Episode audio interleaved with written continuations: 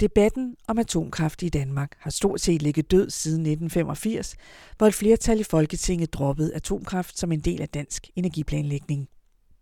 Alligevel arbejder hele to danske virksomheder i dag med nye former for atomenergi. Samtidig er debatten begyndt at røre på sig igen som følge af klima- og energikrisen. Du lytter til en artikel fra Natur og Miljø fra juni 2023. Artiklen, som jeg har valgt at kalde Splittet, er skrevet af mig, og jeg hedder Julie Søgaard. Kan man producere små atomkraftværker på samlebånd? Svaret er ja, hvis du spørger virksomheden Copenhagen Atomics. I en anonym fabrikshal i Søborg ved København er virksomhedens medarbejdere i fuld gang med at udvikle og teste en simpel prototype af en lille atomreaktor, der i færdig version en dag skal kunne sættes på en lastbil og køres ud til en kunde, der har brug for sit eget kraftværk. Selve reaktoren er, nu er vi jo i Danmark, inspireret af Lego-klodser. Det er et 40-fods containermodul, som i sig selv er et helt færdigt atomkraftværk, der vil kunne producere 100 megawatt thermal. Så hvis man har brug for mere energi, opstiller man blot flere moduler ved siden af hinanden, fortæller administrerende direktør i Copenhagen Atomics, Thomas Stenberg. Han understreger, at modulerne ikke blot er et traditionelt atomkraftværk i miniformat, men bygger på en helt anden teknologi, som er mere sikker og som ikke kan løbe løbsk. Copenhagen Atomics bruger det, man kalder en saltsmeltereaktor, hvor man ved hjælp af en pumpe cirkulerer et smeltet salt. Og det gør reaktoren super simpel. Smeltet salt ved 5-700 grader har ikke noget damptryk. Så man skal forestille sig, at man har en tank med salt, et smeltet salt, og deri har man så opløst det radioaktive stof thorium, siger Thomas Stenberg og fortsætter. Salt med thorium bliver så pumpet op i kernen, og derinde spalter vi thorium. Saltet kommer ind ved 600 grader og ud ved 700 grader. Herfra løber det over i varmeveksleren, hvor vi så tager energien ud. Saltet minder lidt om en væske som vand, men som selvfølgelig er meget varm, fortæller Thomas Stenberg. Derfor kan de også bruge vand til at teste flowet i systemet. Men hvis saltet bliver varmere end 700 grader, så udvider væsken sig. Og når den udvider sig, så falder reaktiviteten. Det vil sige, at så stopper kerneprocesserne, og så køler saltet af, forklarer han. Man kan også bruge uran som brændsel, som man for eksempel gør hos den anden danske atomenergivirksomhed Seaborg. Her benytter man ligeledes smeltet salt i sin reaktorteknologi. Begge virksomheder blev etableret for 8-9 år siden og udspringer af en gruppe fysikere og andre, der jævnligt diskuterede kernekraft. Her så de blandt andet på thorium som et alternativ til uran. Ifølge Thomas Stenberg er en af fordelene ved at bruge thorium, at det findes mange steder. I dag bliver thorium typisk udvundet som biprodukt til de såkaldte sjældne jordarters metaller, som bruges til vindmøller og batterier. Samtidig kan Copenhagen Atomic saltsmeltereaktor anvende brugt brændsel fra traditionelle atomkraftværker sammen med thorium. Og dermed kan teknologien ifølge Thomas Stenberg nedbringe mængden af atomaffald og den tid atomaffaldet skal opbevares. Det vil sige, at brændsel, der ellers skulle gemmes i 100.000 år, nu kun skal gemmes i 300 år.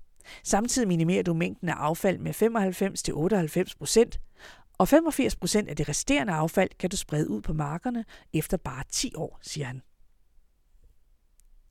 Netop udfordringerne med sikker opbevaring af atomaffald var en af flere årsager til, at et flertal i Folketinget droppede atomkraft i 1985.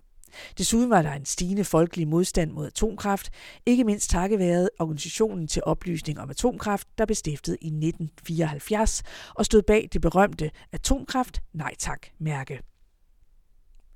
Organisationen udviklede sig hurtigt til en protestbevægelse, og den synspunkt om at satse på andre energikilder end atomkraft blev frem mod 1985 efterhånden bredt accepteret, selvom interessen for at etablere et atomkraftværk i Danmark i kølvandet på oliekrisen i 1973 var vokset hos elselskaberne. De var bekymrede for forsyningssikkerheden af olie og så sig derfor om efter alternativer. Men selv samme elselskaber var måske også en af de lidt oversete årsager til, at Danmark droppede atomkraft. Sådan lyder det fra professor ved Aarhus Universitet og forsker i kernefysik, Hans Fynbo. Elselskaberne var private, forbrugerejede selskaber. Atomkraft kræver i høj grad en statslig styring i forhold til, hvordan hele produktionen skal foregå, og det skabte en modvillighed hos nogle af selskaberne, siger han. Og så skal man ifølge Hans Fynbo heller ikke glemme fredsbevægelsen, der var bekymret for den mulige kobling mellem atomkraft og atomvåben, samt hele den sikkerhedspolitiske situation under den kolde krig.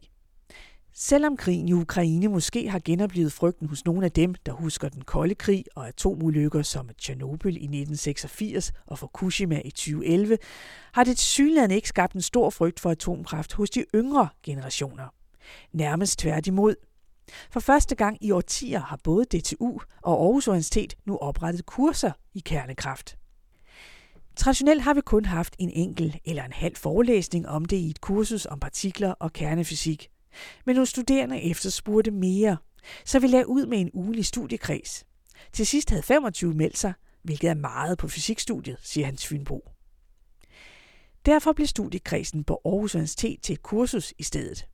Hans Fynbo er ikke i tvivl om, at klimakrisen spiller ind på de unges efterspørgsel på at lære mere om atomkraft, der modsat for eksempel kul, olie og gas næsten ikke udleder CO2. Den unge generation er meget opmærksom på klimaforandringerne. På de teknisk-naturvidenskabelige studieretninger møder vi nogle af de unge, der har en ambition om at bidrage til at løse problemet. Og de vil vide mere om kernekraft, siger han. Og kernekraft er ikke bare kernekraft. Som Thomas Stenberg fra Copenhagen Atomics nævnte, så bruger de ikke samme teknologi som traditionelle atomkraftværker, der typisk anvender såkaldte letvandsreaktorer og brændselsstave med uran. I traditionelle atomkraftværker har man enten en reaktor under højt tryk, som kaldet pressurized water reactor, eller en boiling water reactor, hvor man får vandet til at koge og lave damp. Overordnet set inddeler man atomkraft i fire generationer, fortæller Hans Fynbo. Generation 1 er de første prototyper af atomkraft. Generation 2 er de anlæg, der lige nu er flest af på verdensplan. De store traditionelle atomkraftværker, der bliver bygget i dag, vil man nok kalde generation 3, siger han. Generation 4 består af 6-7 reaktorkoncepter, som er under udvikling. Copenhagen Atomics og Seaborgs teknologier tilhører den teknologi, der kaldes saltsmeltereaktorer, og de tilhører også kategorien af Small Modular Reactors. Forskellen på generationerne er i grove træk sikkerhedssystemerne, lyder det fra Hans Synbo. Man taler om forskellige grader af sikkerhed. Der er et begreb, der hedder walkaway safety, hvor man forestiller sig, at al strøm forsvinder, ligesom det gjorde i Fukushima. Her skal systemet kunne styre sig selv enten permanent eller i en væsentlig længere periode, end tilfældet er for de eksisterende reaktorer, siger han. For selvom man har sørget for kædereaktionen og spaltningen af atomkernerne stopper, vil der i et traditionelt atomkraftværk fortsat være store mængder varme fra de kernefysiske processer, som skal håndteres og pumpes væk, så systemet ikke bryder sammen. Og det var det, der skete i Fukushima. Der var ikke nok walkaway safety. Man havde skillige sikkerhedssystemer med dieselgeneratorer, men de kunne kun køre et vist stykke tid, og så blev de oversvømmet af tsunamien, fordi de stod nede i kælderen, siger Hans Fynbo. Et andet vigtigt sikkerhedselement er indkapsling af reaktorkernen, som skal sikre, at radioaktiviteten ikke kommer ud i atmosfæren, hvis det går galt. Det var det, der forværrede ulykken i Tjernobyl. Der var ikke nogen indkapsling og meget lidt beskyttelse. Det betød, at radioaktiviteten blev spredt ud over hele Nordeuropa i større eller mindre grad, siger han. Graden af sikkerhed er også det, der betyder mest for pris og byggetid på de traditionelle atomkraftværker, der bliver bygget i dag i de lande, hvor man ikke har droppet atomkraft. Det gælder lande som for eksempel Finland og Frankrig. Og den aktuelle energikrise har da også enten sat yderligere skub i eller genoplevet udbygningen af atomkraft i de lande, der hele tiden har haft atomkraft, eller var ved at afvikle den. Det gælder blandt andet Sverige, hvor atomkraft længe har været under afvikling. Men nu har den svenske regering åbnet for et muligt comeback til atomkraft. I Tyskland var den oprindelige plan, at landets tre sidste atomreaktorer skulle lukke inden udgangen af 2022, men på grund af energikrisen besluttede den tyske koalitionsregering at udskyde lukningen. Reaktorerne blev dog endelig lukket i slutningen af april i år, men i en meningsmåling svarede 52 procent af tyskerne, at de mente, at det var en forkert beslutning. Danmark fik som bekendt aldrig etableret et traditionelt atomkraftværk, ud over de forsøgsreaktorer, man havde på Risø ved Roskilde. Og hvis du spørger Lasse Jesper Pedersen, der er klima- og energipolitisk seniorrådgiver i Danmarks Naturfredningsforening, bliver atomkraft nok aldrig aktuelt herhjemme, trods en stigende folkelig interesse. For med en galopperende klimakrise, hvor vi ifølge den seneste klimarapport fra IPCC skal have halveret verdens CO2-udledning inden 2030, hvis vi skal holde os inden for 1,5-gradersmålet, kan vi ikke vente på at få bygget et traditionelt atomkraftværk, der alene i byggetid vil tage omkring 10 år. Oveni kommer den tid, der vil blive brugt på politiske godkendelser og anden myndighedsbehandling.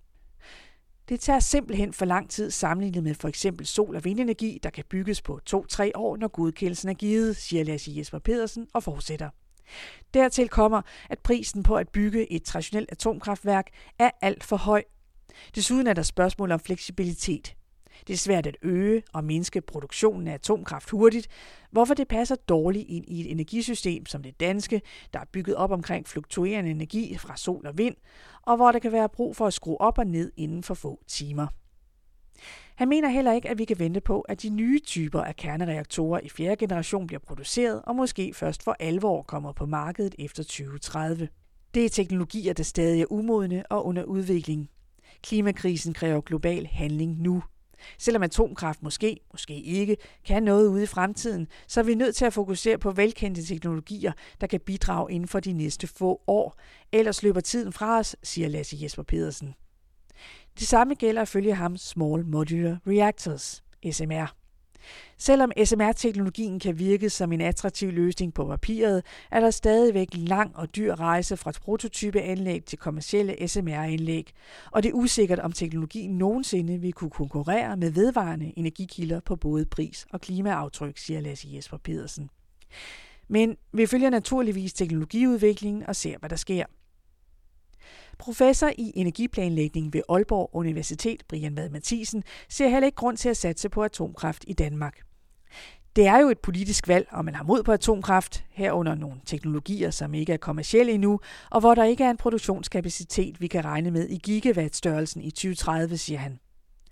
Baseret på den internationale litteratur, der er på området, og de prisforudsætninger, der er meldt ud, så vinder den vedvarende energi ifølge Brian Mathisen på pris, også i forhold til de nye atomkraftteknologier.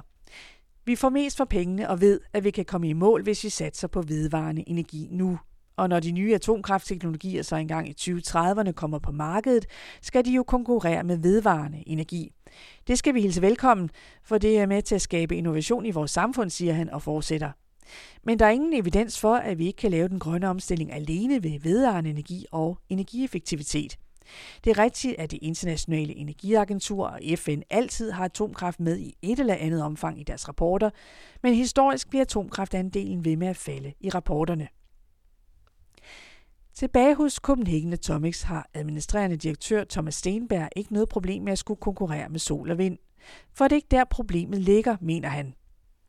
80 procent af verdens primære energiproduktion kommer fra olie, kul og gas. Det er det, der er udfordringen, siger han, og peger på, at vi skal have meget mere vind, meget mere sol og meget mere atomkraft, hvis man på nogen måde vil drømme om at reducere udledningen af CO2. Det kræver en massiv indsats. Verdens energiforbrug kommer til at stige, hvis man ser på alle forudsigelser de næste 30 år. Asien og Afrika vil også gerne have iPhones, pensionsordninger og biler i garagen, siger han. Han er dog med på, at det nok ikke er Danmark, virksomheden skal satse på forløbig.